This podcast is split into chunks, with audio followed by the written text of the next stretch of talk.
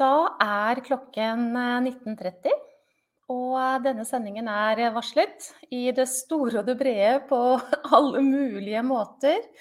Livesending nummer fire av fire i denne gratis workshop Fire steg til indre ro.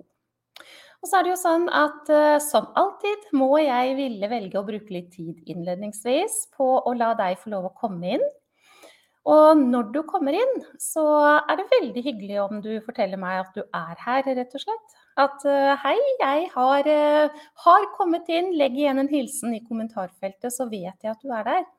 Jeg både ser og hører deg, sier Hilde Cecilie. Takk, kjære deg, da trenger ikke jeg å tenke på det egentlig så Marte bruker å være en assistent for meg der ute, sånn helt av fri vilje. Jeg, bra bilde og lyd, alt er OK.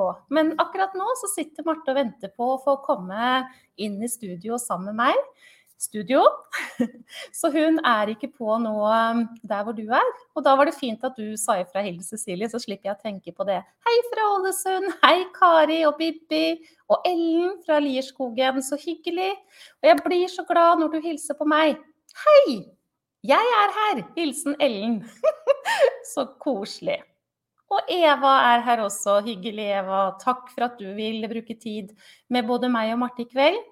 Lise, hei kjære Lise, nå skal vi snart reise til Italia. Mm. og Mona Sofie er her, og eh, noen fra Vestlandet og i det hele tatt. Og så er det jo sånn, som du sikkert har fått med deg, jeg skal bare gjenta det eh, for å være sikker. Sånn som nå er det en fra Aremark. Eh, nei, skal vi se, der var Lise. Det var den jeg skulle ha opp. Som hilser på meg, og da ser det sånn ut på skjermen når jeg ikke har eh, navnet ditt når du ikke er registrert, og det går helt fint. Mm, så hyggelig. Si gjerne hei. Hei, Marianne! Så hyggelig å se deg også, at du kommer live nå. Denne sendingen er jo varslet. Denne timeplanen har vært delt ut til det vide og det brede. Og til min store glede så har jeg jo sett i diverse kommentarfelt og også fått på e-post at ja, Monica, jeg kommer. Jeg setter av tid 1930 på søndagen for å følge direkte. Og så er det jo sånn bare for ordens skyld, eh, disse sendingene, både sending 1, 2, 3 og denne i dag 4, blir liggende i opptak tilgjengelig for deg til midnatt 13. mai. Men så er det borte. Og da hjelper det ikke at du sier til meg, sender meg en e-post eller tar kontakt på annet vis, ikke sant, lørdag eller søndag etter det, om at det kan ikke jeg få, for jeg har ikke fått sett. Det får du ikke. Det er fram til da, og så lukker jeg, og så er det over og ut dette som du har blitt gitt. Hei, Sara. God søndag fra Oslo. Og ja, jeg tror været har vært veldig bra i Oslo i dag òg. Eh, her har det vært en iskald vind, har jeg opplevd, med en nydelig blå himmel. Og en fantastisk dag. Den har jeg eh, virkelig um, kost meg med. Jeg har, jeg har, holdt på ute i dag, og det er like deilig hver gang. Janne Anita fra Hønefoss. God klem fra navnesøster. Hei og klem fra navnesøster, så hyggelig, Monica. og Rindal, ja, deg har jeg plassert, Marita, så deg vet jeg hvor befinner seg. Nå vet jeg hvor du er på kartet også. Veldig hyggelig. Um, som du vet, noen minutter innledningsvis må brukes. Det er sånn at hvis man er i gruppa når sendingen begynner, så får man ikke beskjed. Det er fantastisk på Jæren i dag. Årets første bad er unnagjort, skriver du Hilde Cecilie. Wow. Åh, Apropos nervesystemet, vet du. Iskalde bad. Du fikk det sikkert med deg. Det er eh, supersmart, rett og slett. Det står riktignok ikke øverst på um, lista over det som styrker nervesystemet vårt, men uh, det står på lista, og det er supersmart, rett og slett. Så vi skulle ha vært ute i det kalde vannet alle sammen. Hvis brillene mine er litt skjeve, så er ikke det, det er ikke ansiktet mitt, det er brillene. Jeg har klart å tråkke på dem. Og det blir litt sånn heisan sveisan, så jeg prøver å rette på dem litt innimellom. Denne sendingen, eh, Du har jo blitt fortalt at du skal få møte Marte. Marte var på et sted i sitt liv når hun fant veien til meg, hvor det var eh, ganske trøblete. Og jeg syns egentlig ordet 'ganske' er helt feil plassert òg. Det var trøblete å være Marte.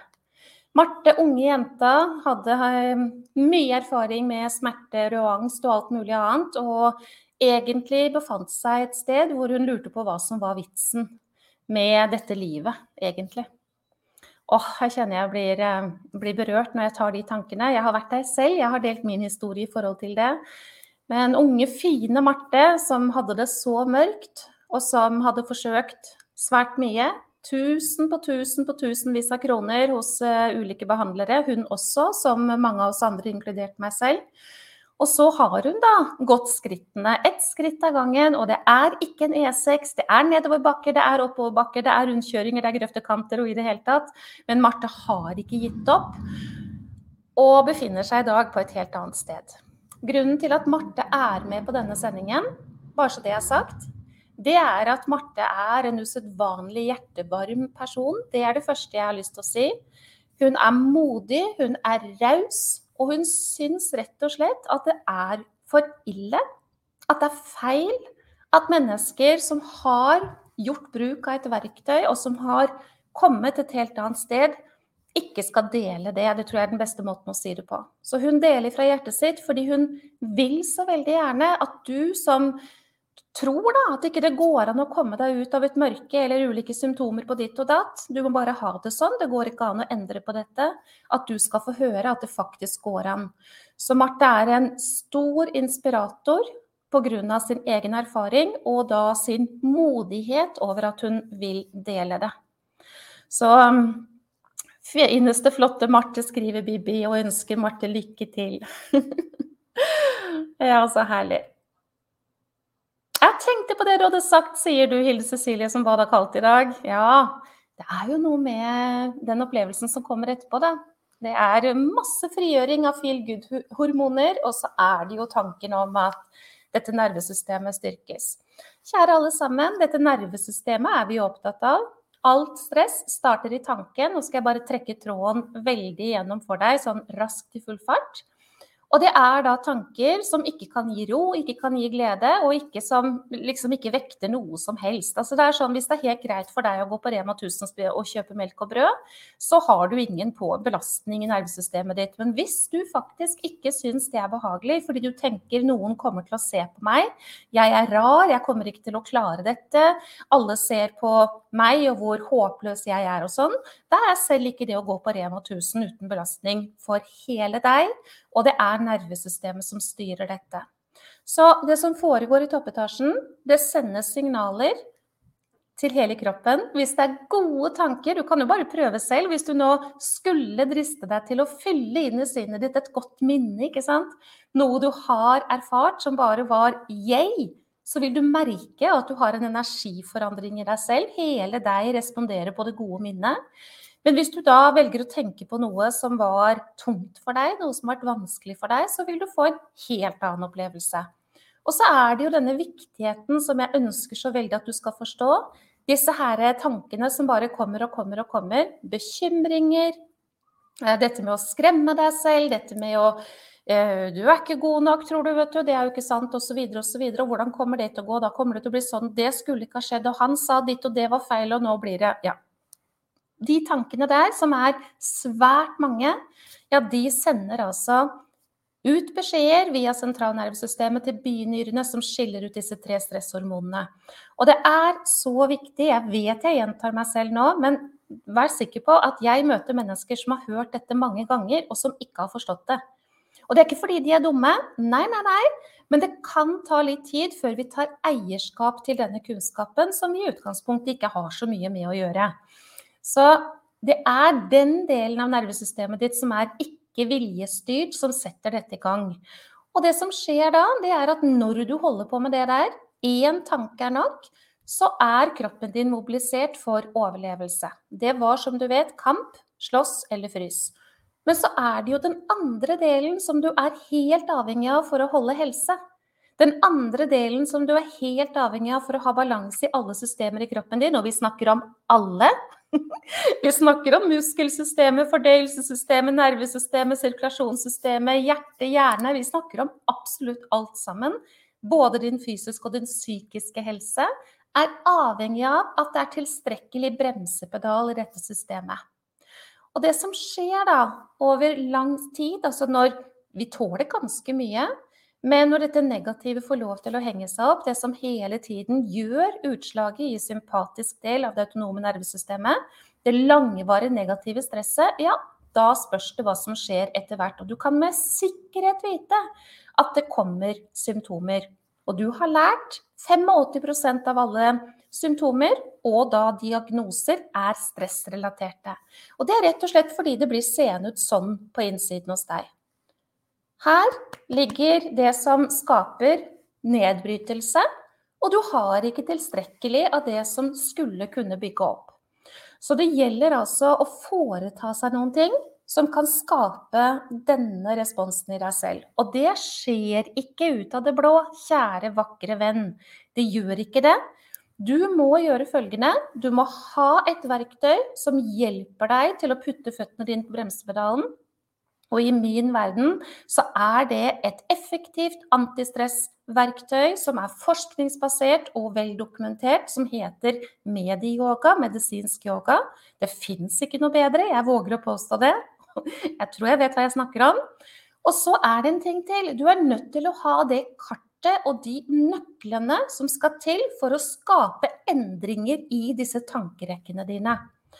Og for å gi deg et bilde på dette Det er i alderen 0 til 12 år at alle mønstrene på tankefabrikken din blir dannet.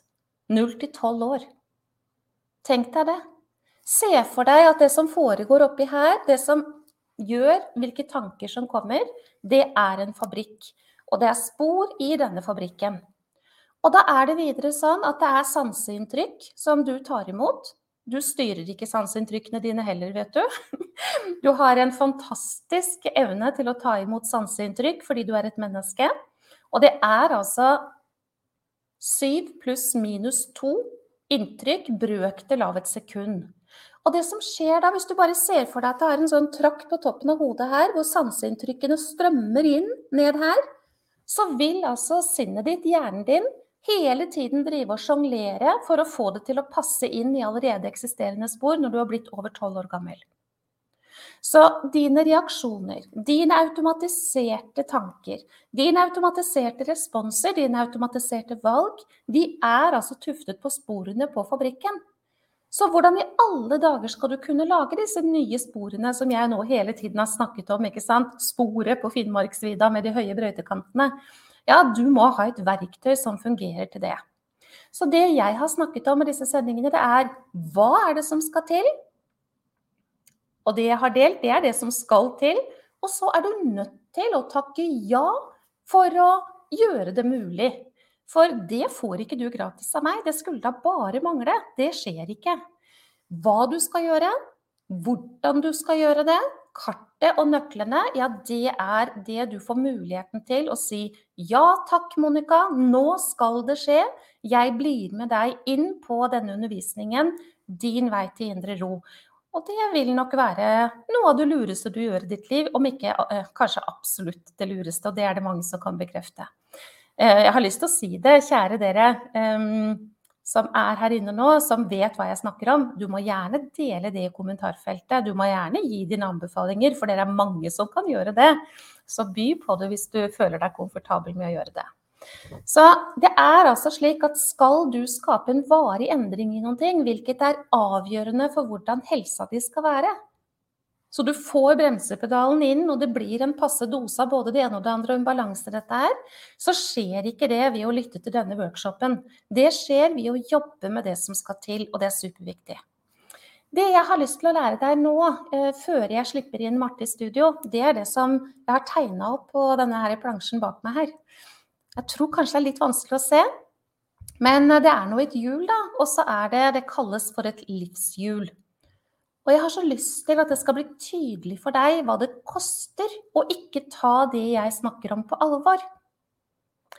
Dette livshjulet vårt, ditt livshjul og mitt og alle mennesker, har åtte ulike deler. Og det er det som er tegna inn her. Og jeg vet at det kan være litt vanskelig å se, men jeg tror kanskje det går allikevel. Hvis du ser Der så står det fritid. Det er en åttendedel. Der så står det selvutvikling det er en åttendedel. Der så står det helse. Det er en åttendedel. Der så står det økonomi. Det er en åttendedel. Der har jeg tegna et hjerte. Og det er parforhold, kjærlighet. Der er det arbeid, eventuelt utdanning. Der er det venner og familie. Og der er det fysisk miljø, og det er egentlig bare betyr trivsel der hvor du oppholder deg. Hva skjer med et menneske som har utfordringer med helse? Bare for å ta det som et eksempel nå i første rekke. La oss si et menneske som ikke har forstått at uh, de valg man tar, det fokuset man har, måten man snakker til seg selv, måten man strekker seg i alle retninger, måten man driver og skremmer seg selv for hva om at det dersom at det hvis om at det skal, og så blir det sånn og sånn og sånn, osv. Hva om det mennesket begynner å få så store utfordringer at det ikke lenger kan gå på jobb? Og så kan det jo hende da at det mennesket ikke får det som skal til for å kunne komme tilbake igjen på jobb etter det året man jo får tilgjengelig som sykepenger. For det kan jo hende at man får litt trøbbel med Nav underveis her, og arbeidsgiver og alt mulig, så stressbelastningen bare øker. Og så klarer man ikke å komme seg tilbake i jobb. Jeg bare bruker det som et eksempel. Det finnes jo veldig mange ulike tilnærminger her. Hva skjer med bekymringer? Bekymringer eskalerer til himmels. Hva skjer da med helse? Ja, den blir bare dårligere. Eh, det, det går ikke an eh, noe annet, fordi belastningen bare øker.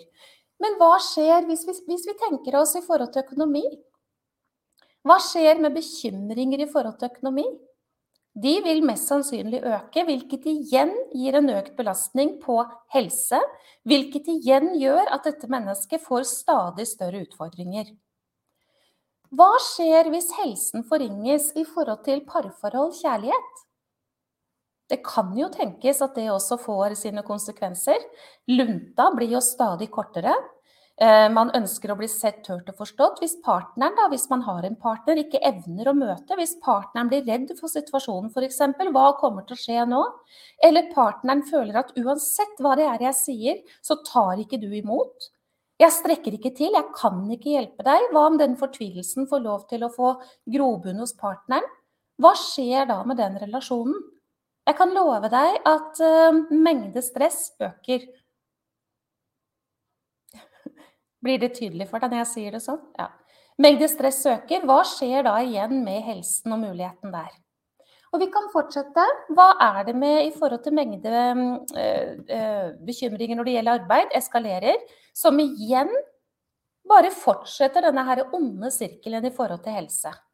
Venner og familie, ja, hva skjer da hvis man ikke har en kropp som eh, kan opprettholde kontakt med mennesker på den måten man kanskje gjorde før? Ja, klarer jeg å skissere noe for deg? Dette her handler om mengde bekymringer, som igjen da blir mengde stress. Eh. Hvis man har utfordringer på eh, livsområdet parforhold, er det mulig å tenke seg at det i sin tur gjør noe med helse? Jeg vet ikke hvor mange mennesker jeg har hjulpet opp igjennom, som når vi gjør en kartlegging, forteller meg at uh, utfordringene ligger egentlig her, og de har man ikke klart å gjøre noe med. Hvilket da igjen gjør at disse symptomene kommer. Jeg sover dårlig, jeg har smerter osv., osv., som vi har snakket om.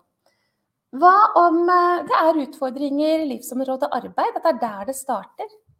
Hva om man opplever en situasjon på jobb, og så blir man ikke sett, hørt og forstått? Hva om man blir behandlet urettferdig? Hva om det oppstår noe som er ubehagelig? Hvordan kan det potensielt sett påvirke også andre områder av livet? Dette livshjulet her, når man bruker det som en kartlegging, så vil man veldig fort se at det koster veldig, veldig dyrt å ha ubalanse innenfor ett eller flere av disse områdene. Hvor mange av dere er det som kan kjenne dere igjen i? At når man har bekymringer i forhold til relasjoner, om det er venner, eller om det er barn eller foreldre eller hva det er, så øker stressbelastningen. Plutselig så kommer det symptomer. Jeg har, bare for å si det, jeg har i mange mange år, også når jeg jobbet som sykepleier Jeg jobbet jo med alvorlig syke og døende i all hovedsak, og deres pårørende. Og jeg har mange ganger tenkt hvor lenge kommer du til å holde deg på bena, du kjære pårørende? Så hvordan skal man altså, Det er noe med hvordan er det jeg tilnærmer meg det som foregår i mitt liv, i forhold til hvilken belastning jeg skal få. Og kurset Din vei til indre ro, med de gullnøklene som ligger der, er da ment å være med på å hjelpe til at man faktisk begynner å håndtere disse livsområdene på en annen måte, hvilket gjør at stressbelastningen går ned. Jeg er veldig frista til å si, jeg vet ikke hvor mange av dere som har merket det på kroppen eller hørt det via andre, lest det i media, men dette med at det finnes en del eh, leger og annet personell som sier at eh, måten de eh, langtidssykmeldte i dag med utmattelsesproblematikk blir behandlet f.eks. av Nav, og spesielt Nav og arbeidsgivere, det bare øker sykdomsbildet. Og det finnes også mennesker, spesialister, som jobber med denne type problematikk, som sier jeg kan ikke hjelpe mine pasienter, fordi belastningen som er ellers i livet deres, den er for stor. Og da har jeg mange ganger tenkt ja, sånn er det jo.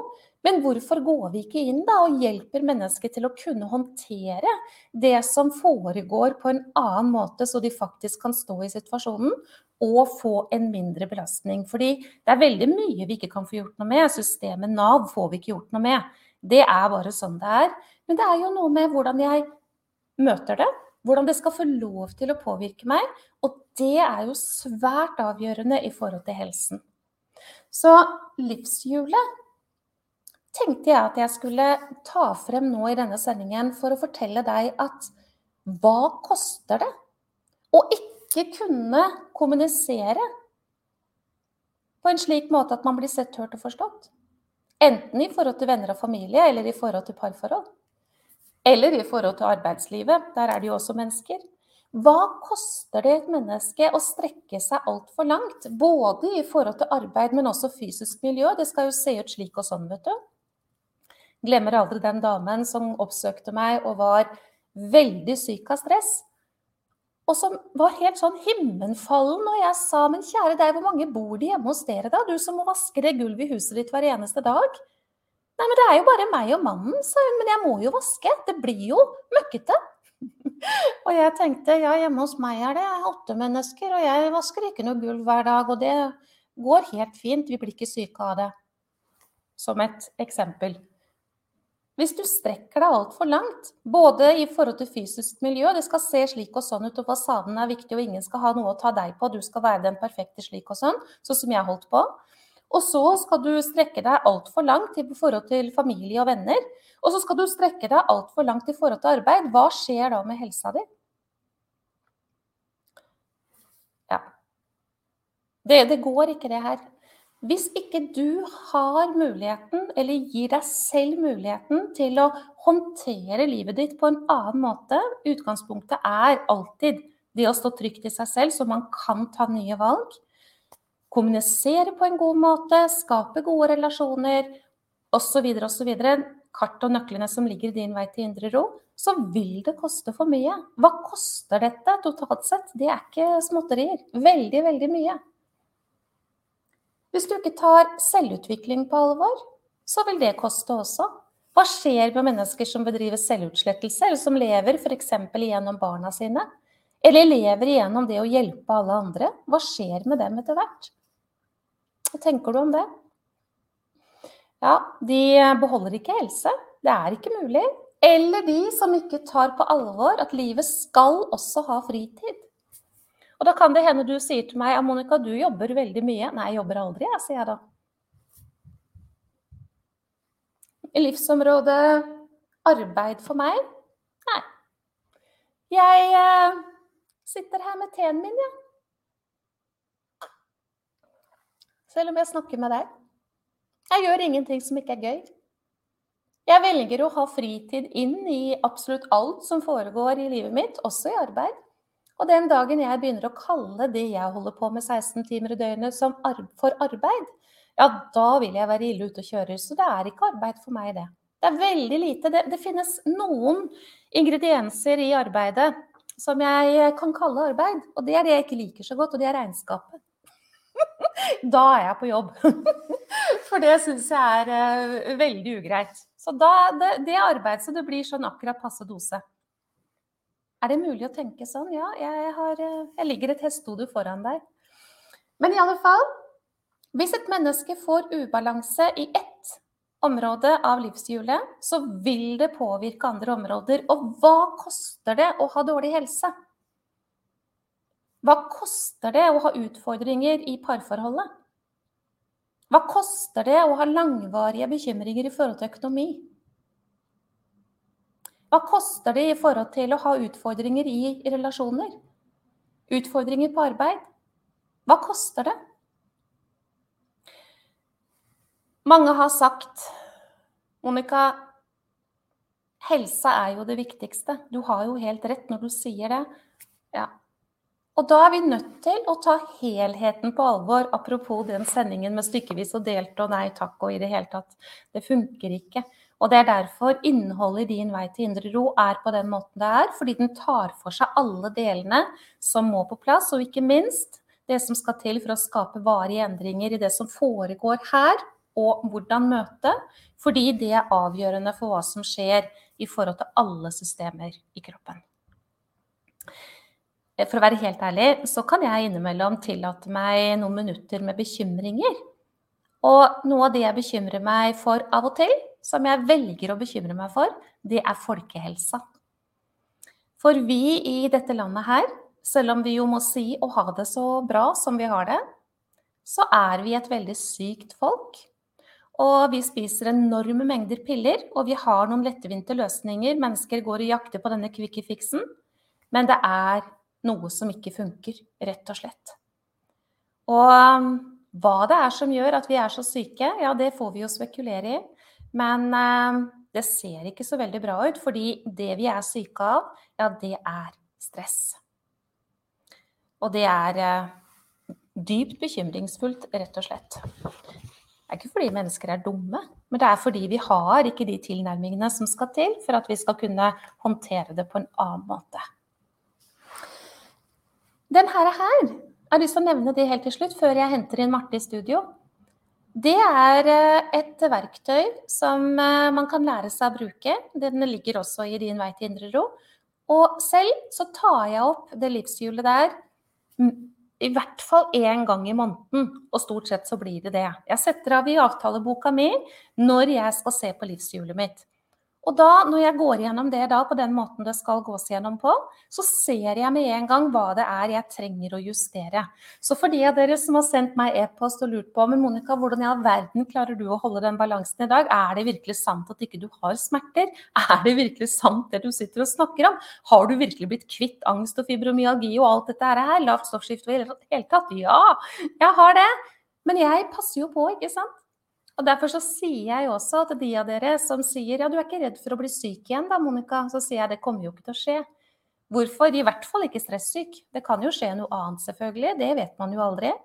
Men at jeg skal bli sånn syk som jeg var, med disse her ingrediensene som jeg hadde, det kommer ikke til å skje så lenge jeg bruker verktøyet og justerer.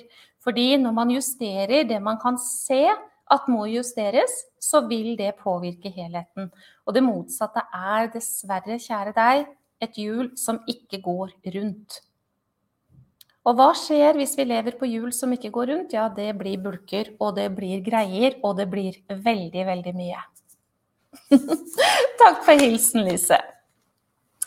Jeg eh, skal hente inn eh, en Marte. Men lov meg, kjære du som ser på noe enten live eller i opptak, at du stiller meg spørsmål hvis du lurer på noen ting i forhold til det jeg har snakket om nå. Og Marte trenger tilbakemeldinger fra deg. Det er modig å stille opp, som Marte gjør nå. Så hvis du har lyst til å sende noen hjerter eller legge igjen noen hilsninger i kommentarfeltet, så, så gjør det. det. Det gjør godt, rett og slett. Marte både trenger og fortjener det. Så by på det, kjære deg. Da, kjære Marte. Der er du. Har du sittet og venta? Ja. ja. Hvordan har du det? Nei, jeg har det greit, jeg. Ja. ja. Nå ser jeg dem sende hjertet til deg, Marte. Jeg ba om det. Marte, hvis du øh, Ja, hvis du aller først forteller hvorfor du vil stille opp og dele, hva vil du si om det? Nei, eh, jeg tenker jo det at eh, i forhold til hvor jeg har vært og hvor jeg har kommet da, med bruk av dine kurs og jeg har vært og alt det du deler, som har på en måte gitt meg et nytt liv, så syns jeg liksom det er viktig å på en måte formidle det, sånn at andre har muligheten til å forstå at det er at det fins en mulighet. da. At det er, går an for alle. Det er ikke håpløst. ja, Marte. Eh, du får hilsninger i kommentarfeltet. 'Fine Marte som stråler i dag', sier Tone Cecilie. Og Marte, du er tøff og modig. Alltid fint å høre på deg, sier Lene. Du Marte, du sier Jeg, jeg bet meg merke i at du sa 'alle kan få det bedre', sa du. Mm. Um, du mener det? Jeg mener det, så lenge man uh, på en måte velger å uh, ta seg selv på alvor og gjøre den, hvis man skal kalle det jobb, da, jobben som må til for å komme et annet sted. Ta steg for steg, så er det absolutt mulig. Ja. Marte, hva, hva, vil du dele i forhold til hvor du var hen når du fant, uh, fant, meg og fikk kartet og, og begynte, å, begynte, å, ta den jobben steg for steg da? Hvordan var det å være Marte da? Nei, da var det ikke så lett å være meg. uh, jeg var Da jeg kom til deg, så var jeg veldig deprimert. Uh, jeg hadde angst, jeg hadde smerter overalt. Det var ikke et sted i kroppen jeg ikke hadde vondt. Til og med huden var vond. jeg hadde spiseforstyrrelse og drev også med selvskading. Mm. ja. Så det var ganske sånn langt nede. ja. Hva, hvor lenge hadde du hatt det sånn egentlig, Marte? Eh, når var det du starta din reise, forresten? Hvor er vi igjen i tiden da? Eh, 2018 begynte jeg på yoga hos deg. Mm. Og så begynte ja, du med kartet til Indre Ro. Hvor, ja, det var i 20, mai 2020. Ja. Så det er jo mm. to år siden bare. Ja. ja. Hvor lenge hadde du hatt det sånn da, når du begynte på, på medieyoga i 2018? Nei, det hadde jo vart en eh, stund, da. på en måte jeg Altså Det er jo som du har forklart i sending du har hatt òg, at reisen vår starter jo på en måte ja, når vi blir unnfanga, egentlig, da, men i hvert fall når vi kommer til verden. Mm. Og jeg er nok eh, født som et uh, det man kaller eh, sensitivt barn. Mm. Um, og hadde mye frykt og bekymringer og sånn allerede som et lite barn, da. Mm husker jeg hadde mye magesmerter. og Jeg var ikke så gamlejenta før jeg ble tatt med til noe sånn homopat og sånn, som skulle prøve å finne ut av hva de kunne gjøre. Og, ja. og så er jeg veldig heldig og er på en måte født inn i en fantastisk familie som har gitt meg masse omsorg og kjærlighet hele veien. og det har på en måte gjort så godt de kan, da, ut fra mm. det de kan. Ja. Um, og så når jeg er rundt elleve år, så begynner jeg i en stall hvor jeg kommer inn i noen relasjoner som ikke er eh, så heldige. Eh, på en måte voksenrelasjoner. Eh, hvor det på en måte var mye, mye kjeft og ja, ingenting var bra nok og eh, litt sånne ting. Og så hadde jeg jo ansvar for en hest der, og som barn er jo litt sånn ja, Jeg var redd for å miste det, da. Så jeg sa jo ikke noe om det hjemme. Eh, så de hjemme visste ingenting, og jeg eh, på en måte jeg begynte som når jeg var tolv år, så begynte jeg å få vondt i ryggen. Og det balla på en måte på seg, da. Eh, og så går det åra, og så merker jeg liksom at det blir tyngre og tyngre. Og så er jeg veldig sånn opptatt av å ikke vise det til noen så utad så er jeg som alltid veldig glad og fornøyd og ja, prøvde liksom å skjule det så godt jeg kunne. Eh, så til slutt da så klarer jeg på en måte ikke å håndtere tankene mine lenger og følelsene og sånn. Og så blir jeg på en måte redd for de følelsene. Det er vel egentlig det man kan si. Eh, mm. Jeg var jo livredd for det, så jeg slutta på en måte å sette meg sjøl i situasjoner hvor følelser kunne komme. og eh, ble mer og mer isolert, da, på et vis. For å ja, mm. slippe å møte ting. Mm. Eh, så når jeg er 24 år, så får jeg vel min første prolaps. Og så begynte skuldra å bli vond. eh, og magen ble jo veldig trøblete. Jeg, jeg har ikke tall på hvor mange ganger jeg har vært i en MR-maskin eller tatt ultralyd av både her og der. Jeg har vært, vært i gastroskopi fire ganger. Ja, prøvde liksom å finne noe galt. da, på en måte. De kunne liksom finne at der, eh, jeg hadde sånn eh, forkalkninger på kragebenet. Så tok litt kortisonsprøyter, òg, men det var sånn det skulle være resten av livet, da, fikk jeg beskjed om. At de smertene ble ikke borte. Mm. Og så var det liksom ja, smertestillende, da. Veldig mye smertestillende. Ble jo bare mer og mer av det. Um, og så gikk jeg jo til kiropraktor, fysioterapeut, naprapat. eh, Det var trykkbøllebehandlinger, det var nåler, det var Ja. Jeg husker nesten ikke, det har vært så mye.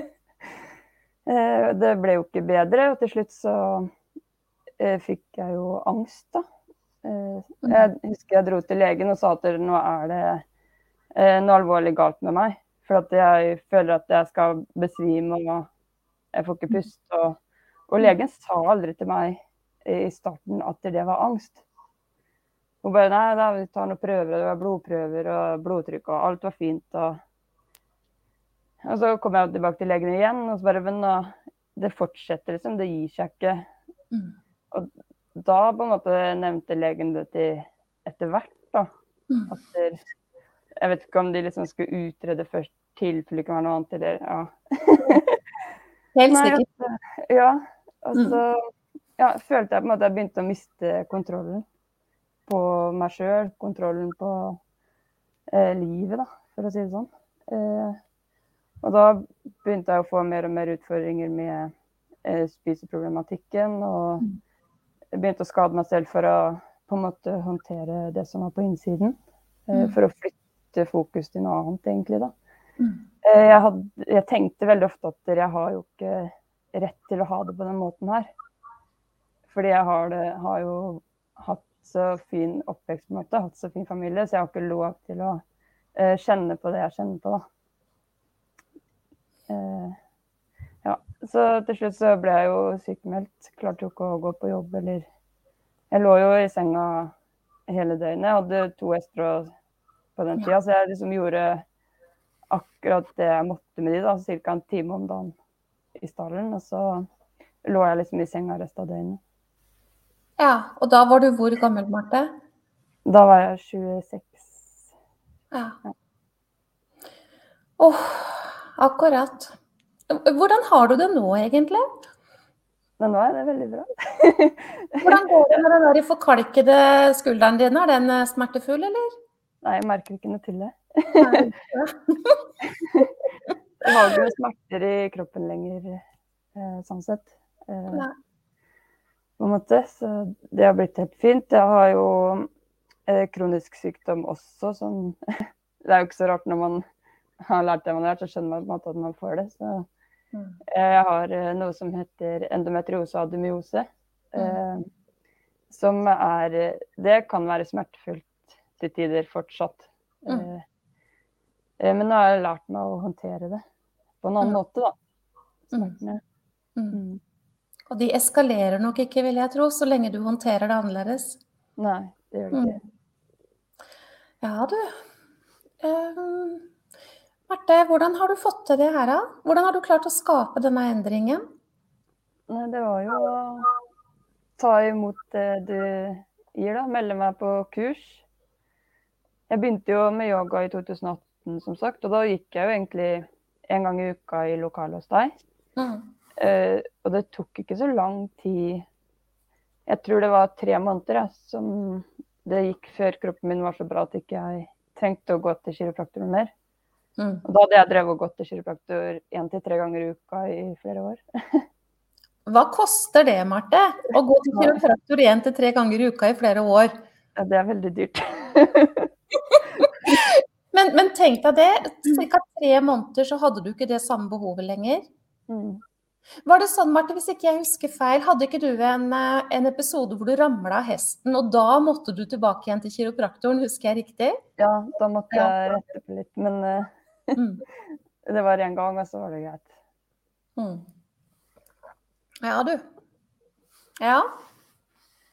Marte, du sa jo noe om at alle kan skape endringer, sa du. Mm. Er det, det er jo det samme som jeg sier, ikke sant? Fordi min historie også, den er jo eh, Jeg fikk jo påvist eh, forkalkninger i begge skuldrene og tenkte jo at ja, men det er ikke så rart jeg har så vondt, men jeg har jo ikke hatt vondt i skuldrene mine på årevis. Men forkalkninger kan ikke bli borte, så det er jo et eller annet som, noe annet som ligger der også. Mm. Men Marte, vi er jo enige. Vi vet jo at hvis man eh, får de nøklene og det kartet som skal til, og faktisk bruker det, så, så skjer det jo en endring. Mm. Hva, hva, hva, hva, har vi lyst til å si til de menneskene som ikke tror på at det går an å få det annerledes? Hva tenker du? Eh, jeg tenker på en måte Jeg har blitt veldig opptatt av det derre å si til meg sjøl hva er sant, hva er ikke sant. på en måte litt. Eh, og Det er kanskje en tanke man kan ta tak i i forhold til den påstanden der, da. Mm. At det er en ape da, som mm. sier det, at det ikke er mulig. Mm. Eh, fordi vi er jo veldig mange som har erfart at det, det er mulig. det er jo ikke bare meg. det er akkurat det. Synes du, Marte, at det arbeidet som du har tatt steg for steg, Synes du at det er så krevende at det ikke er noen som kan Altså at det finnes noen som ikke kan klare det? Nei. Mm. Jeg tenker at det viktigste er eh, at man er tålmodig og gir seg selv tid. Mm. At man kan liksom ikke tenke at det her skulle helst vært bra i går, på en måte. Fordi vi har jo brukt lang tid på å komme oss dit hvor vi er, da. Mm. Eh, og sånn som jeg har jo ikke sittet sånn og jobba masse sånn Det har jo ikke vært et fulltidsstudie, på en måte, å mm. ta de kursa. Du sitter jo og jobber med det, for, det, for det første så er det veldig interessant. Det kommer du til å merke når du begynner å jobbe med det. At det er mm. veldig lærerikt og spennende. Men så er det noe med det der at det jobber i hjernen, da. Eller hva jeg skal si. Mm. Når du har sittet med det en kveld, f.eks., og så, så putter det jo på bakerste plate der. Ja. Så det Det gjør jo det. Marte, jeg vet jo at du har, har, um, har, forsøkt å få mye hjelp. Jeg vet jo det. Du nevner jo kiropraktor og, og sånt. da. Men hva tror du er liksom årsaken til at du kom deg ut av dette spisegreiene og selvskading og sånne ting? Altså, hvordan i all verden, hva, hvordan kunne det ha seg? Fordi sannheten, Marte, er at uh, det er en bragd du har fått til det er, når det gjelder akkurat den problematikken der, så er det på, slik, på, på, et sånt nivå at det offentlige helsevesenet river seg i håret og ikke vet hva de skal gjøre for disse arme menneskene. Mm. Men hva, hva, er din erfaring på, på altså i forhold til hva er det som ikke fungerer, men hva er det som fungerer? da, For å klare å komme seg ut av den type problematikk, som er noe som det offentlige helsevesenet står og lurer på vi, vi, får ikke hjulpet disse menneskene. For det første så finnes det ikke nok ressurser til å ta tak i alle de som har dette problemet, og stadig yngre alder òg. Men uh, samtidig så er det en tendens til at man aldri klarer å få de ut av det. Mm. Hva, hva, hva tenker du om det? For du har jo fått det til. Ja. Nei, jeg tenker Jeg har jo på en måte vært litt rundt omkring da, hos forskjellige psykologer og rask psykisk helsehjelp og livsmestringskurser og arbeidsmestringskurser, og det har vært ja, Mm. mye greier. Men jeg har jo på en måte aldri møtt noen som ser helheten på den måten som du gjør, da. Mm. Det der med at der, ja, det hele bunner jo i en veldig lav selvfølelse. Mm. Eh, så er det noe med det derre å starte i riktig ende, mm. eller hva jeg skal si. Mm. Eh, ja. Marte, hvordan var selvsnakket ditt før? Nei, det var jo ikke så bra. Det var veldig sånn Jeg husker uh, veldig godt sånn hver gang jeg gikk forbi et speil, f.eks. Det var et mareritt. Liksom, hver gang jeg så meg sjøl i speilet, så var det sånn derre Å, du er så stygg, og du er så dum, og hvorfor må du leve? Og jeg liksom bare snakka meg sjøl veldig langt ned, da. Um. Og jeg var jo på en måte der hvor jeg ikke hadde noe lyst til å leve lenger heller. Mm. Fordi jeg syns at det, ja, det var jo ikke noe verdi å ha det så mørkt, da. For jeg hadde veldig mye uro i kroppen. Jeg følte jeg hadde sånn jag hele tiden. Sånn, uansett hvor jeg befant meg, så ble jeg liksom aldri tilfreds med det, på en måte. Mm. Sånn, hvis jeg satt hjemme i sofaen, så det, ble jeg rastløs av det. Og hvis jeg var på jobb, så ble jeg rastløs av det. Så var jeg i stallen, så ble jeg rastløs av det. Jeg klarte ikke mm. ja, Uansett, da. Så mm. var det liksom noe som drev og jaga meg rundt. Nå vet du hvorfor. Ja. ja. Det er jo stressets natur, egentlig. Du er jo i mm livsfare uansett hvor du befant deg enn den gangen. Da. Men det er ikke sånn lenger, Marte? Er det sånn at du klarer å være til stede i stallen og andre steder nå? Ja. ja. Det, er, det er blitt helt annerledes. Det er noe med det å lære seg å være til stede her og nå. Eh, mm. Og være i det som skjer, da. Mens jeg har alltid vært litt sånn i framtid. Eller hva jeg skal si. Alltid venta på noe. Der jeg, har hatt følelsen at jeg, må, at jeg venter på noe, eller hva jeg skal si. Ja. Ja. Nei, så er liksom det der med å få på plass uh, selvfølelsen som liksom mm. For jeg hadde jo Jeg var jo ikke god nok, jeg var ikke verdt noe. Jeg hadde jo ikke noe verdi, ikke sant. Det var ikke noe vits å ta vare på meg sjøl da, på en måte. Mm. Akkurat. Hvordan snakker du til deg selv nå? Har jeg blitt min eh, egen beste venn, da. Så, ja. Du har tatt jobben du, Marte. Jeg har tatt jobben. Ja. Men legger du merke til den indre dialogen din? Ja, absolutt. Mm. Og så er det, det er jo ikke det der jeg har jo ikke blitt uh, følelsesløs eller sånn på den reisen her. For at det, eh, følelser og tanker og bekymringer, det kommer jo.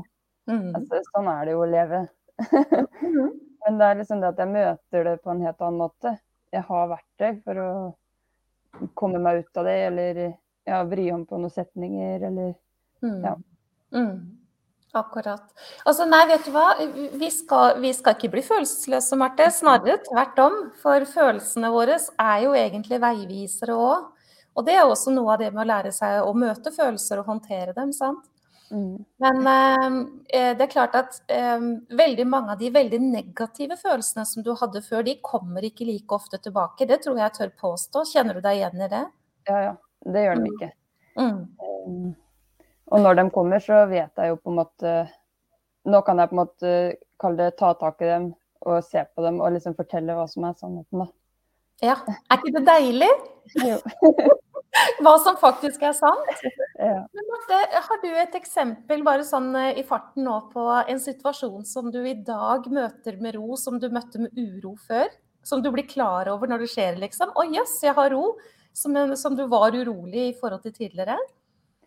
Ja, altså jeg har jo hatt uh, veldig utfordringer i forhold til mat. Da, det å være i selskap med andre ja. og kunne spise mat. Det det syns jeg var helt grusomt. Ja. Sånn er det ikke lenger. Hvordan er det nå? Nei, Nei nå hygger jeg meg med andre. Ja.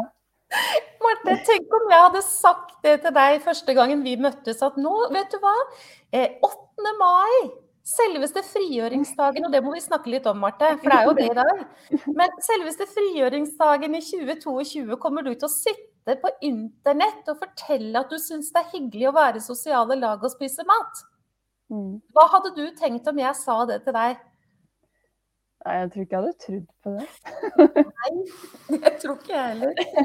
Men du Marte, vet du, Noe av det første jeg tenkte på når jeg våknet i morges, og jeg tok jeg innover meg plutselig 8. mai! Jeg har satt opp livesending på selveste frigjøringsdagen. Kan det bedre bli?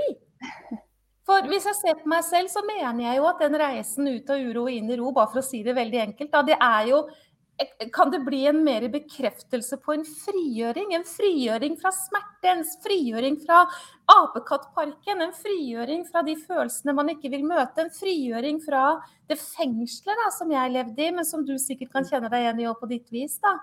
Er det, er det, er det, vi burde jo ha hatt fløyta og hatten og alt mulig, Marte. Jeg synes vi det er jo en frigjøring som betyr hva, liksom? Enormt mye. Mm. Åh, Marte. Du var jo Når du hadde det ille, så var det vanskelig for deg å være på jobb, ikke sant? Mm. Mm. Hva har denne frigjøringa å bety for de som du møter på arbeidsplassen din, tror du? At du faktisk kan være der? Nei, jeg tror jo Eller jeg merker jo sjøl at jeg møter på en måte barna og de jeg jobber med sånn, på en annen måte da, mm. enn det jeg gjorde før. Og ikke minst det der i forhold til jeg måtte lært meg å kommunisere. det har kommet til nytte, vil jeg tro. det kommer veldig til nytte. Nei, jeg jobber jo med barn, da. Jeg jobber i barnehage. Mm. Og jeg føler jeg forstår på en måte dem på en helt annen måte. Da. Etter hvert som jeg måtte bli kjent med meg sjøl, så ser jeg også de på en annen måte. Og møter med mer ro og Ja, liksom det å være tilstedeværende når man jobber med barn, er jo egentlig alfa og omega. Men jeg klarte jo ikke det. Nei. Før. Det, det, gjør man jo bare ikke. Man kan jo tro at man klarer det, men man gjør jo mm. ikke det. Mm. Men bare det at du kan være på jobb, da, Marte. Så mye borte fra jobb som du har vært i perioder, og nå er du faktisk mm. på jobb. Selv de dagene som endometriose og dette her andre greiene setter deg litt ut, ikke sant, så klarer du faktisk å gå på jobb, gjør du ikke det? Jo. Mm. Fordi du håndterer det annerledes. Mm. Jeg, jeg syns det er eh, helt fantastisk, jeg. Ja. Du Marte, mitt fokus på denne her i egenomsorgen, den har jeg lyst til å snakke litt om. Apropos frihet. Hvor mange mennesker er det som går rundt og mener at nei, jeg kan jo ikke gi meg selv omsorg, for da er jeg egoistisk? Er man fri mm. da, tenker jeg overhodet ikke. Marte, hva, hva, tenker du om dette med å ta vare på seg selv og og sette i det egoistiske perspektivet, mener du? Hva, tenk, hva, hva, er det som vekker av tanker av deg når jeg bringer dette på banen? Nei, jeg tenker jo det derre hvis man skal se på det egoistiske som noe negativt, da, som mange gjør, mm. så tenker jeg jo det at det å ikke ta vare på seg selv, det er jo egoistisk, da. For hvis ikke man tar vare på seg selv, så klarer man jo ikke å være der for noen andre heller. Nettopp. Nydelig. Og det får jo du merke veldig på jobb, sånn som du sa det. Det var det som leda meg til å ta det opp. Mm. Det er jo Egentlig så er det litt morsomt det ordet med egoisme. For det finnes noen som sier ja, men hvis jeg skal begynne å jobbe med meg selv, så må jeg jo, må jeg jo sette av tid til meg selv. Det kan jeg ikke, det er egoistisk, egoistisk. Og jeg skal bruke penger på dette, det er jo også egoistisk, sier noen mennesker. Men det er jo noe, akkurat som du sier det.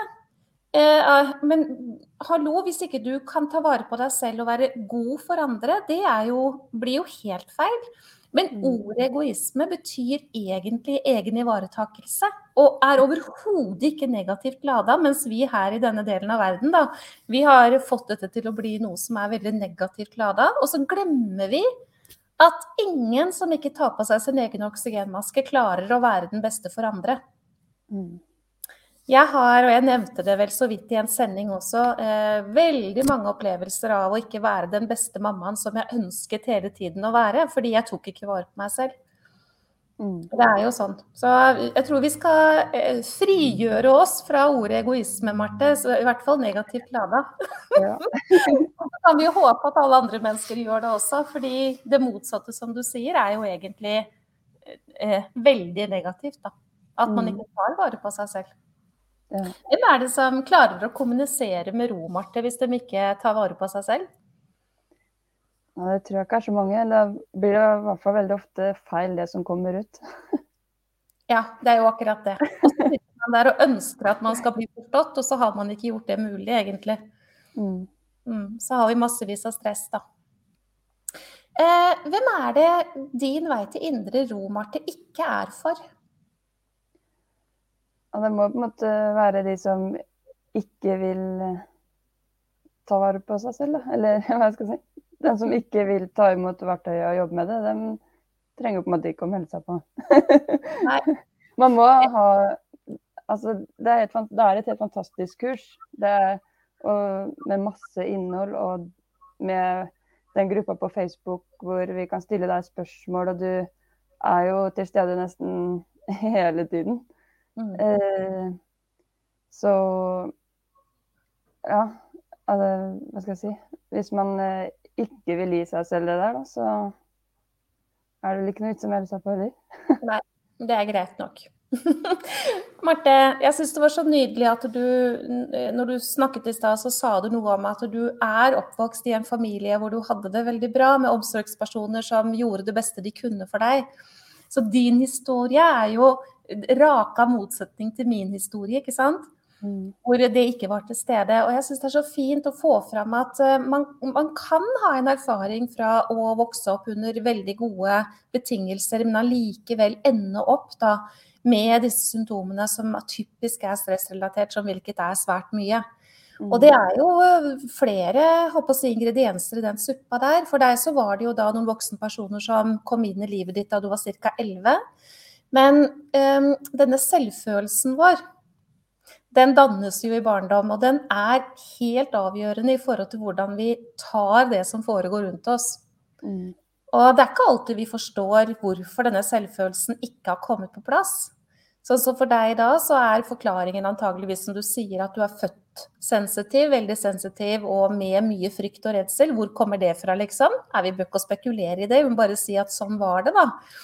Men eh, det kan være for en del mennesker vanskelig å forstå. Eh, men jeg har jo hatt det så bra. Litt sånn som du sa, da. At eh, jeg, jeg kan ikke ha det sånn som jeg har det, fordi at jeg har jo hatt det så bra. Men mm. greia er jo bare hva er det som er situasjonen? Er det en situasjon man ønsker å være i, eller er det en situasjon man ønsker å komme seg ut av? Og at sannheten ligger helt definitivt bl.a. i selvfølelsen, er helt sikkert. Hva har skjedd med din selvfølelse, Marte, fra å være, eh, ha en så lav selvfølelse at du bedrev selvskading, hvilket jo er eh, en av de beste eh, hva skal jeg si, bevisene på at selvfølelsen ikke er der? I nevneverdig grad. Altså, hvis du skulle si at skalaen hadde fra 1 til 10, da, og du var langt nede på 1-2 antageligvis, hvor er du på selvfølelse i dag, sånn som du opplever det i deg selv gjennom dagene dine? Nei, jeg opplever jo at jeg er på en ni-ti. Tenk deg det. Dere som ser på nå, og dere som, altså dere som kjenner din vei til indre ro i det hele tatt. Marte har kommet seg opp på 9-10, og det stemmer jo, Marte. Og det at du sitter her og prater nå, bekrefter du òg. Vil denne sendingen her slå deg selv i hodet og si at du sa noe feil og skulle gjort noe på en annen måte og var dum og teit og alt mulig sånn, tror du? Nei. Nei. Hvordan vil du tenke isteden, tror du? Det ble som det ble, og det er godt nok. Akkurat. Til læring for alle andre. Hurra for deg, er det en som, som, skriver. Og du er en bra dame, er det en som skriver. Og noen sender hjerter og sier takk og i det hele tatt. Eh, Marte, du har jo forsøkt mye før din vei til indre ro, sånn som du sier det. Eh, hva vil du si til de som eh, har den type tilnærming i dag? De har forsøkt alt, det er ingenting som fungerer.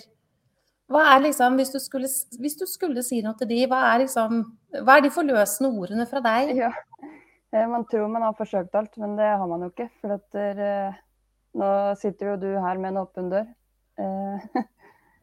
som virkelig er verdt å forsøke. Og det er som jeg sa i stad, jeg tror på en måte det som gjør din vei til indre ro hva skal jeg si, annerledes fra det offentlige, da, det er jo det derre uh, ja, måten du ser hele mennesket på, og den kunnskapen vi får om helheten, da. Mm. Og så er det det der med tiden, for at i det offentlige så møter du ikke den tiden. Uh, de har på en måte ikke tid til deg til at du blir eh, bra, da, eller hva jeg skal si. Det er jo synd, men sant. Mm. Ja, det, det, er nok en del som, eh, som sitter med den, eh, den, erfaringen. Ganske ofte så får jeg eh, henvendelser fra mennesker som har vært mye både hitten og ditten. Mm. Og de får, får tilmålt så og så mange timer, og så blir de timene brukt til å prate om egentlig snøen som falt i fjor. Ja. Og uten verktøy så går det faktisk ikke. Er du enig med meg, Marte? Ja. ja. Hva skjer med ja. Hva skjer med den hylla fra, fra Ikea med 10 000 deler? Uten bruksanvisning og, og, verktøy? Nei, det går jo ikke det. du får veldig mange hyggelige tilbakemeldinger. Sara skriver også utrolig spennende å høre historien til Marte. Jeg får håp, sier Sara. Ja, eh, Sara. Kjære, kjære Sara. Absolutt. Marte, eh, dette med angstproblematikk, skal vi snakke litt om det? Mm. Du hadde jo dine symptomer, du gikk til legen, og legen sendte deg til ulike undersøkelser, hvilket jo er legens ansvar. Ja. Legen sitter jo som en sånn katalysator om å finne ut av Vi må utelukke at det er noe farlig. Eh, og så kommer man jo tilbake med de eh, nedslående resultatene. Det er ikke noen ting, liksom. Hva, hva sa legen at du skulle gjøre da? For symptomene var jo der. Da skal du gå hjem og hvile. gå hjem og hvile, ja. Det ja, det var veldig sånn uh, typisk det mm. uh, Ofte så var det sånn der eh, hvis det nærma seg ferier og sånn, da, så ble det jo verre. Det er jo ikke så rart heller. Men uh, mm. Og da var det Da fikk jeg gjerne sykemelding, da. Fram til ferien, og så kom det jo ferie, og da ble det bra, ikke sant. Ja. Altså, men gjorde det det? Nei. Nei, det. Men hvorfor ble du mer syk når, når ferie nærma seg, Marte? Nei, det er fordi at jeg, jeg gruer meg jo for Aldri vært noe glad i ferie. For at der, um, Da på en måte ble det mer stille, da, eller hva jeg skal si. Sånn, og det passer jo på en måte ikke helt sammen med å være sykemeldt heller. Marte, at, Marte, jeg må bare avbryte litt.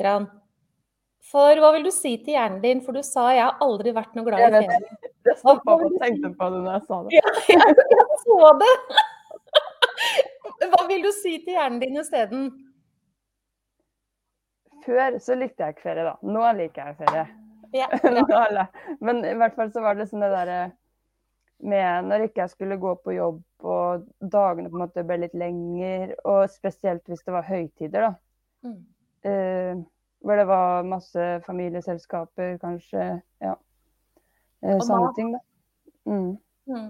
Så så da økte Ja. Ja, fordi belastningen økte. Hvor kom belastningen fra, Marte? Jo, fra tankene. Mm. Har jeg sittet her i timevis og snakka sant? ja. ja. Du trenger ikke noe sykemelding før i ferier nå, du gjør du det, Marte? Nei. Nei. Men eh, skal vi bare snakke litt uh, gå i, Hvil og kos deg, sier Hilde Cecilie med sånn spøkelsesansikt etterpå. For det var det, når du fikk sykemelding, så skulle du gå hjem og slappe av, ikke sant? Ja. Hvorfor funka ikke det, Marte? Nei, for jeg gjorde aldri noe med årsaken. Nettopp. Og legen gjorde heller ikke noe med årsaken? Nei. Og det er jo litt sånn der man slutter å sove og mm. så får man sovemedisiner, da. Men det gjør jo fortsatt ikke noe med årsaken. Nei. Åh, Marte. Altså noen ganger så sier jeg jeg skulle hatt deg i et monter. Bare liksom Se på Marte. Skal du, skal, du ta, skal du, gå inn i dette her nå og gå steg for steg? Marte har gjort det. Se på henne. Før og nå skulle det stått. mm. Det er fantastisk at du, at du, vil dele, Marte. Virkelig, altså. Og det er jo eh, Jeg vet jo at det kommer ifra hjertet ditt. Det er jo med deg som for meg, tror jeg, egentlig ganske trist å sitte og vite at mennesker kan få det helt annerledes om de bare får det rette som skal til, og tar mm. jobben. Ja. Denne jobben, Marte, skal vi snakke bitte litt om den til slutt? Eh, fordi det kan jo høres så voldsomt ut. Av og til så har jeg brukt begrepet 'dra på seg åket', disiplinere seg, faktisk gjøre, ikke sant? Mm. Det høres så voldsomt ut, men vi vet jo at um, hvis vi ikke gjør en innsats, så hvis ikke vi bruker, hvis ikke vi tar på oss oksygenmasken, da den bare ligger der, liksom, så skjer det jo ikke noe. Men, men uh, hvis det er noen nå som liksom tenker å herregud, nei, jeg har ikke tid til den jobben. Nei, jeg har så mye annet, og jeg skal kjøre unger, og jeg har en syk mamma, og det er jo ikke måte på, og jeg har så mye på jobben, så jeg har jo ikke tid til denne jobben. Hva, hva, skal, hva, hva vil du si til dem? Jeg tenker at der, uh, man, man, trenger ikke så forferdelig mye tid som det kanskje høres ut som. Uh, jeg har i hvert fall liksom prioritert uh, helgene litt. Altså, helgene jeg har hatt best tid. Mm. Som jeg har sittet med kursportalen og så tatt til meg kunnskap og sånn. Og så har jeg jo tenkt på det gjennom ukene. Uh, ja, altså da går man jo sakte, men sikkert. Men det er jo ikke noe E6. Det vil jo gå opp og ned, mm. uh, på en måte.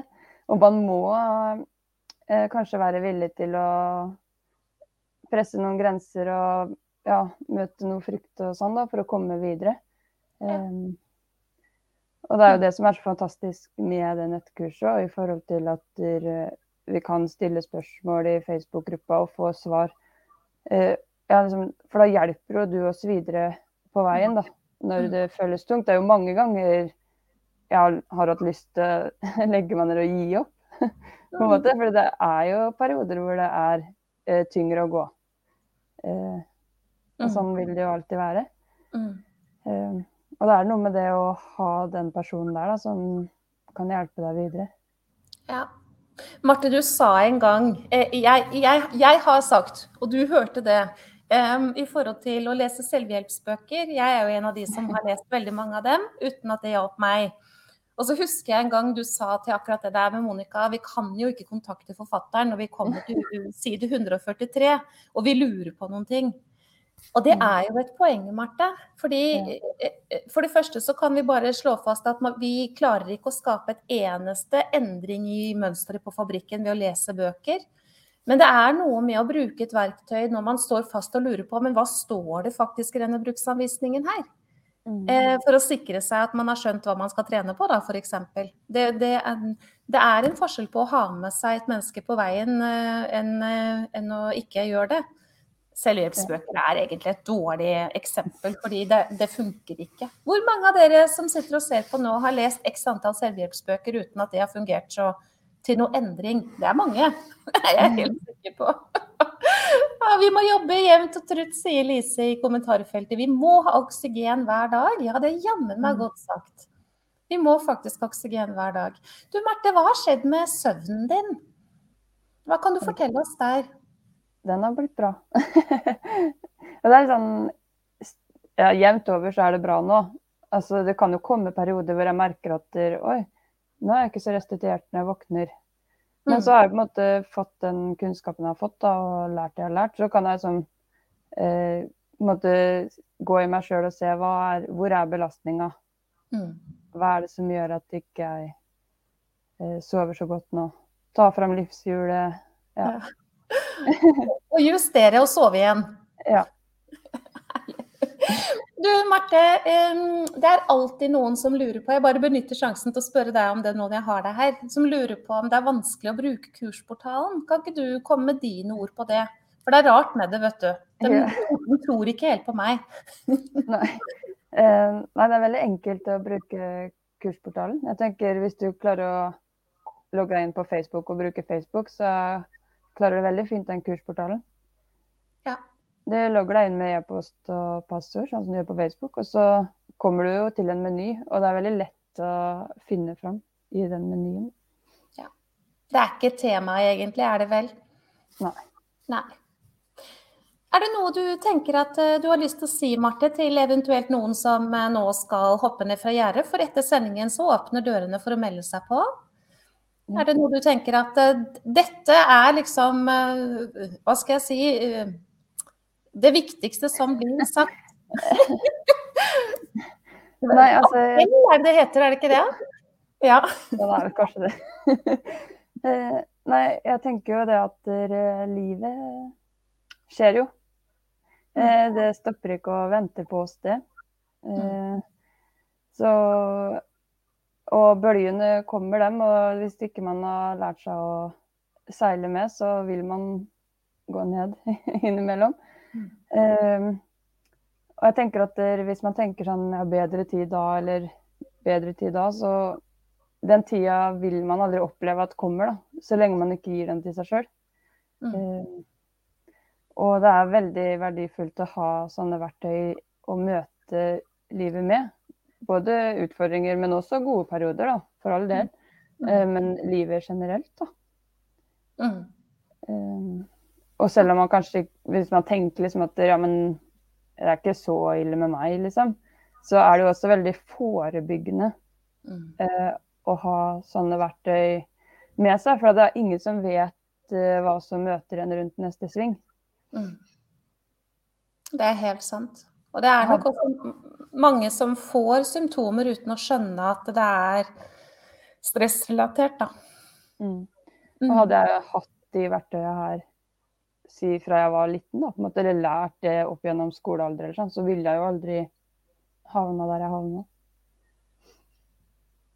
Det er faktisk helt sant. Det er veldig sant.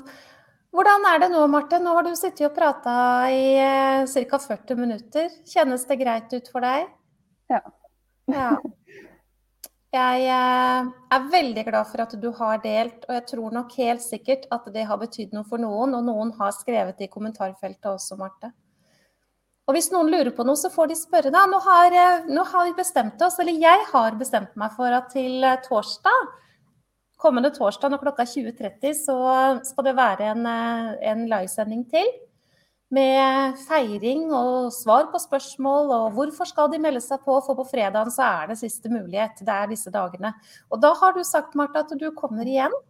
Mm. Så hvis noen eh, skulle få noen spørsmål som de har lyst til å stille til deg eh, på direkten eller i forkant, så må de bare gjøre det, og så kan vi jo svare på dem. Eller du kan svare på dem når vi treffes på torsdagskvelden.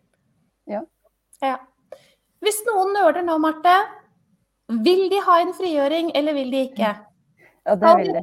Ja, det, for det er, jo, det er jo altså, Det er som du sier det, Marte. Livet er faktisk nå, da. Og det er, eh, det er ikke, det livet kommer ikke. Det er eh, til stede her og nå. Det spørs bare hvordan vi skal ha det, rett og slett. Ja, og det er aldri mm. for sent å gjøre noe heller. Nei. Og et viktig, viktig budskap. Herlig. Um, er det noe mer du har på hjertet, Marte? Eller så tar jeg deg ut. Tusen takk. Deling, sier Marte, deling, Marte, er det noen som sier. Tusen takk, Marte, sier Trude. Så hyggelig. Da, da, Tusen hjertelig takk, Marte. Og så ses vi. At jeg kom. Ja.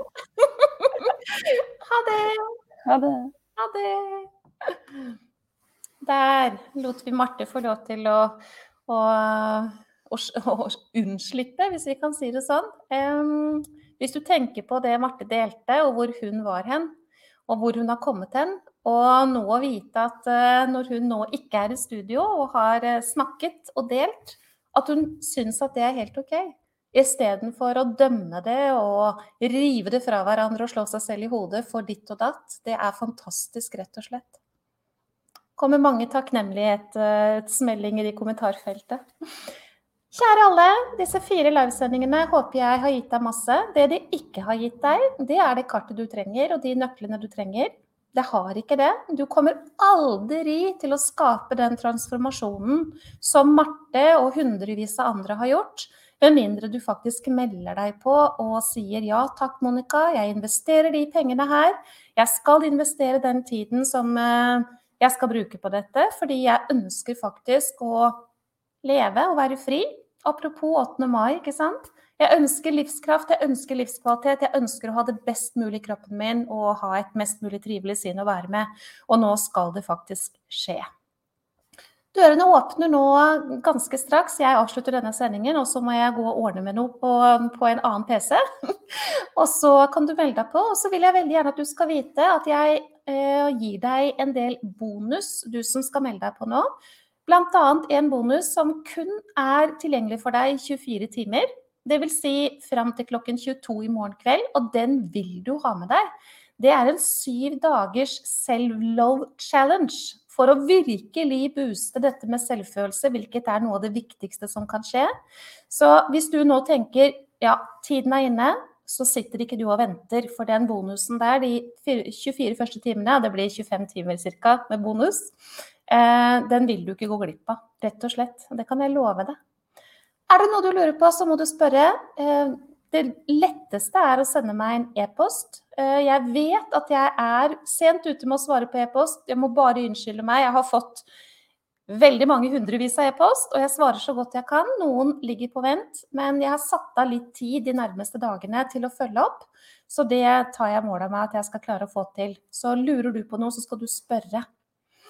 Eh, det kommer en sending i gruppa her som plutselig med spørsmål og svar, for det har kommet en del spørsmål på e-post som jeg vil svare på. Kommer det flere, så skal jeg ta med meg de også. Eller sørge for at du får svar på e-post. Og så eh, kommer jeg til å lage en video til deg hvor jeg viser deg bruken av kursportalen, bare så du ser hvor utrolig enkelt det er. Den kommer også ut i gruppa her inne. Og så blir det en livesending kommende torsdag den 12. Eh, mai klokken 20.30 dagen før dørene lukkes for midnatt 13. mai så kan ikke du tenke lenger. Da lukker jeg for deg og bruker all min oppmerksomhet på de som faktisk vil ta vare på seg selv. For det er til syvende og sist det det handler om. Og apropos livshjulet og mennesker som du er glad i, de er avhengig av at du tar det grepet som skal til for å ha det best mulig i eget liv. Og det ønsker jeg for deg, og det ønsker mennesker som er glad i deg, for deg. Og jeg håper jo at du ønsker det også for deg selv. Så er du klar nå, så er jeg klar for å hjelpe deg. Og Marte er med, og mange andre er med i det fellesskapet som, eh, som jo blir da, for de som reiser på veien. Og mange setter pris på det. Um, og det syns jeg er hyggelig. Og så er jo ikke du synlig eller noe som helst hvis ikke du ønsker å være det. Uh, det er opp til hver og en. Er det noe, så må du spørre. Fram til klokken 22 i morgen er det en ekstra bonus. Den vil du ha. Jeg håper at jeg får lov til å være med deg til indre ro, for det er dit du kommer. Ha det!